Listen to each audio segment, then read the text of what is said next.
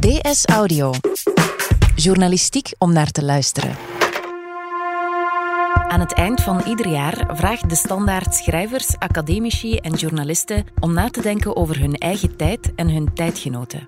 Het resultaat van deze schrijfopdracht is een kerstessay, dat tussen kerst en nieuwjaar in verschillende delen in de krant te lezen is. Dit jaar schrijft Dalila Hermans over het thema Oogkleppen af, wat ik na vijf jaar inzag over antiracisme. Het is donderdag 26 december.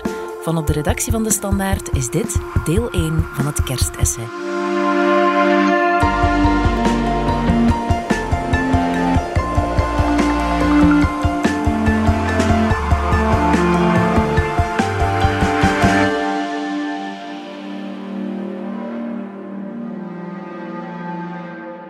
Het bijzonderste concert dat ik ooit bijwoonde vond plaats in 2002.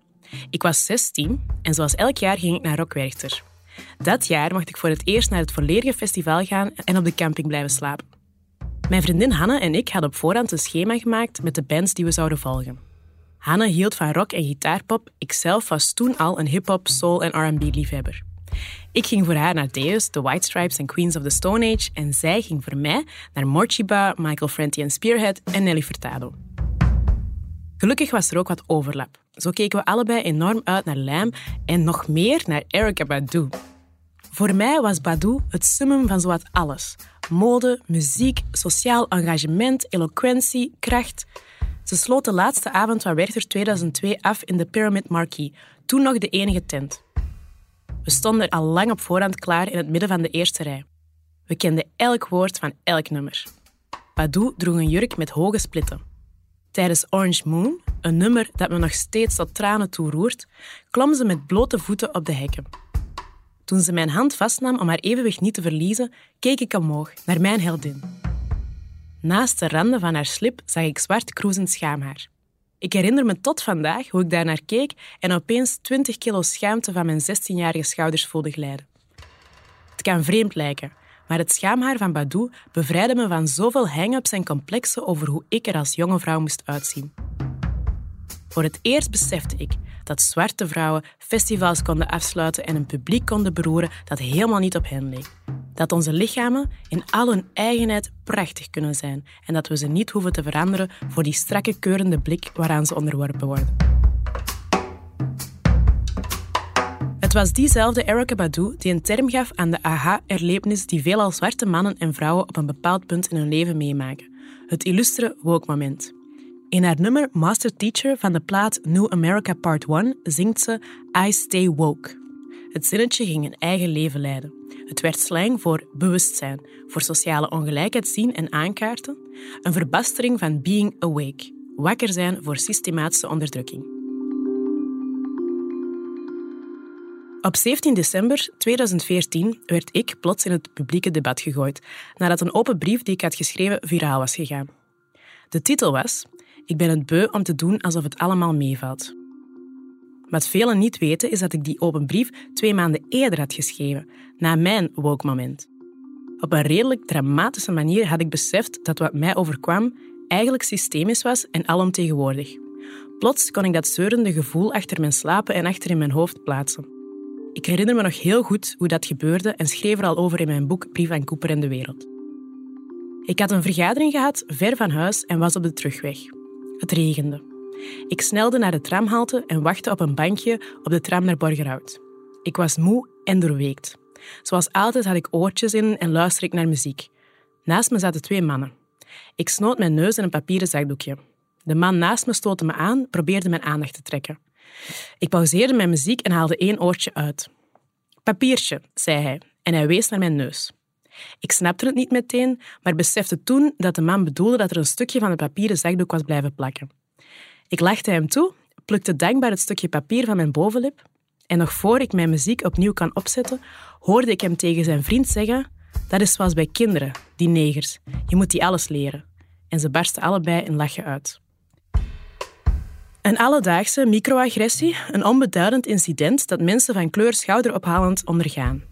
Maar het sloot aan bij een ellenlange reeks vergelijkbare voorvallen. In mijn hoofd knetterde iets. En opeens was het daar. Het besef dat het allemaal vasthangt aan elkaar. Dat die mannen zich zo gedragen omdat ze hun hele leven lang hebben gehoord dat zwarte mensen, negers, kinderlijk en dom zijn.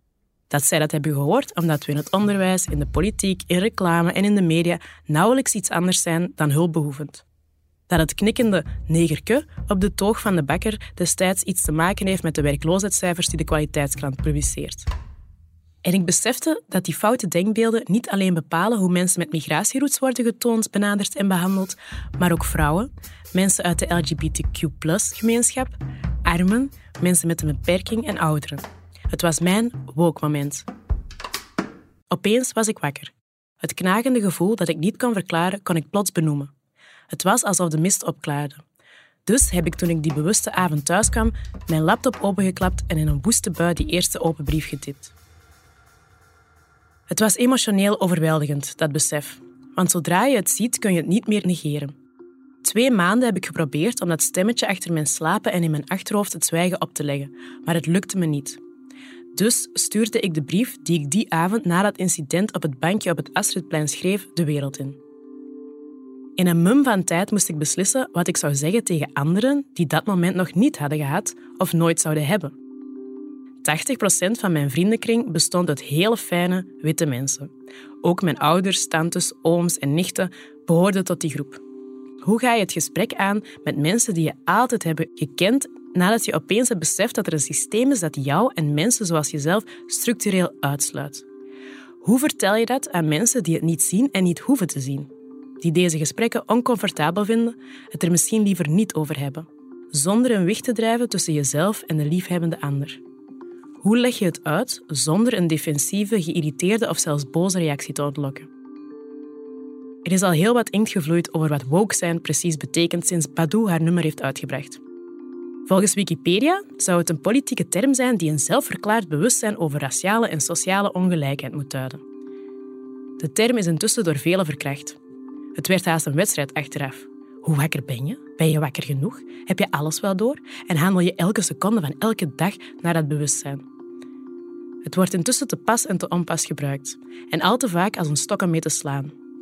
Zoals zo vaak werd een term die in zwarte middens ontstond, overgenomen door de rest van de wereld en populair gemaakt zonder dat we nog echt weten wie of wat de oorsprong was. Zelfs de gekste complotdenkers gebruiken nu de hashtag StayWoke.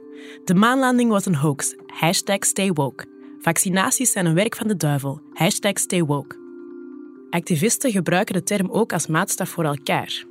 Zo ben ik er de afgelopen jaren geregeld van beticht niet woke te zijn omdat ik in de slimste mensen ter wereld zat, uh, omdat ik voor een grote krant als de Standaard schrijf, omdat ik me niet in elk boek, elke tekst, elke column bezig met de rode draad.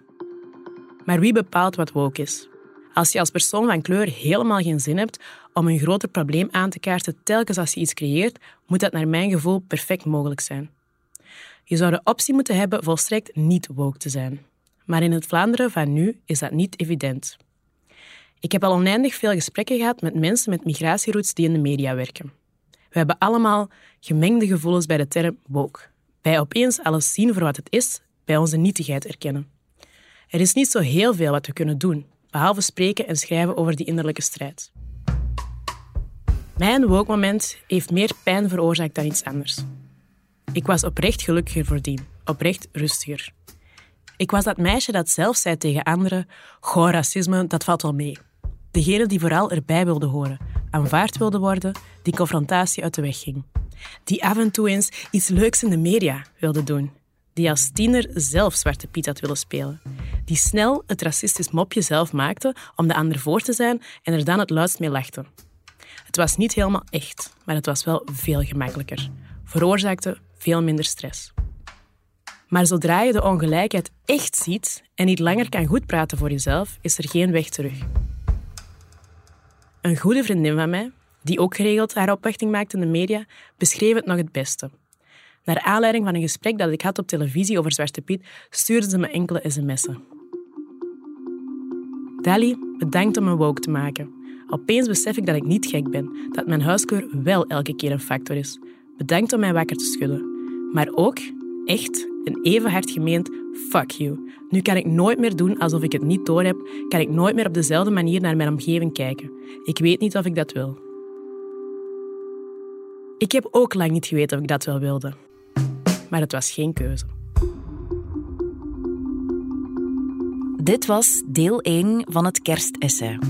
Pieter Schrevens deed de audioproductie. Morgen kun je luisteren naar deel 2.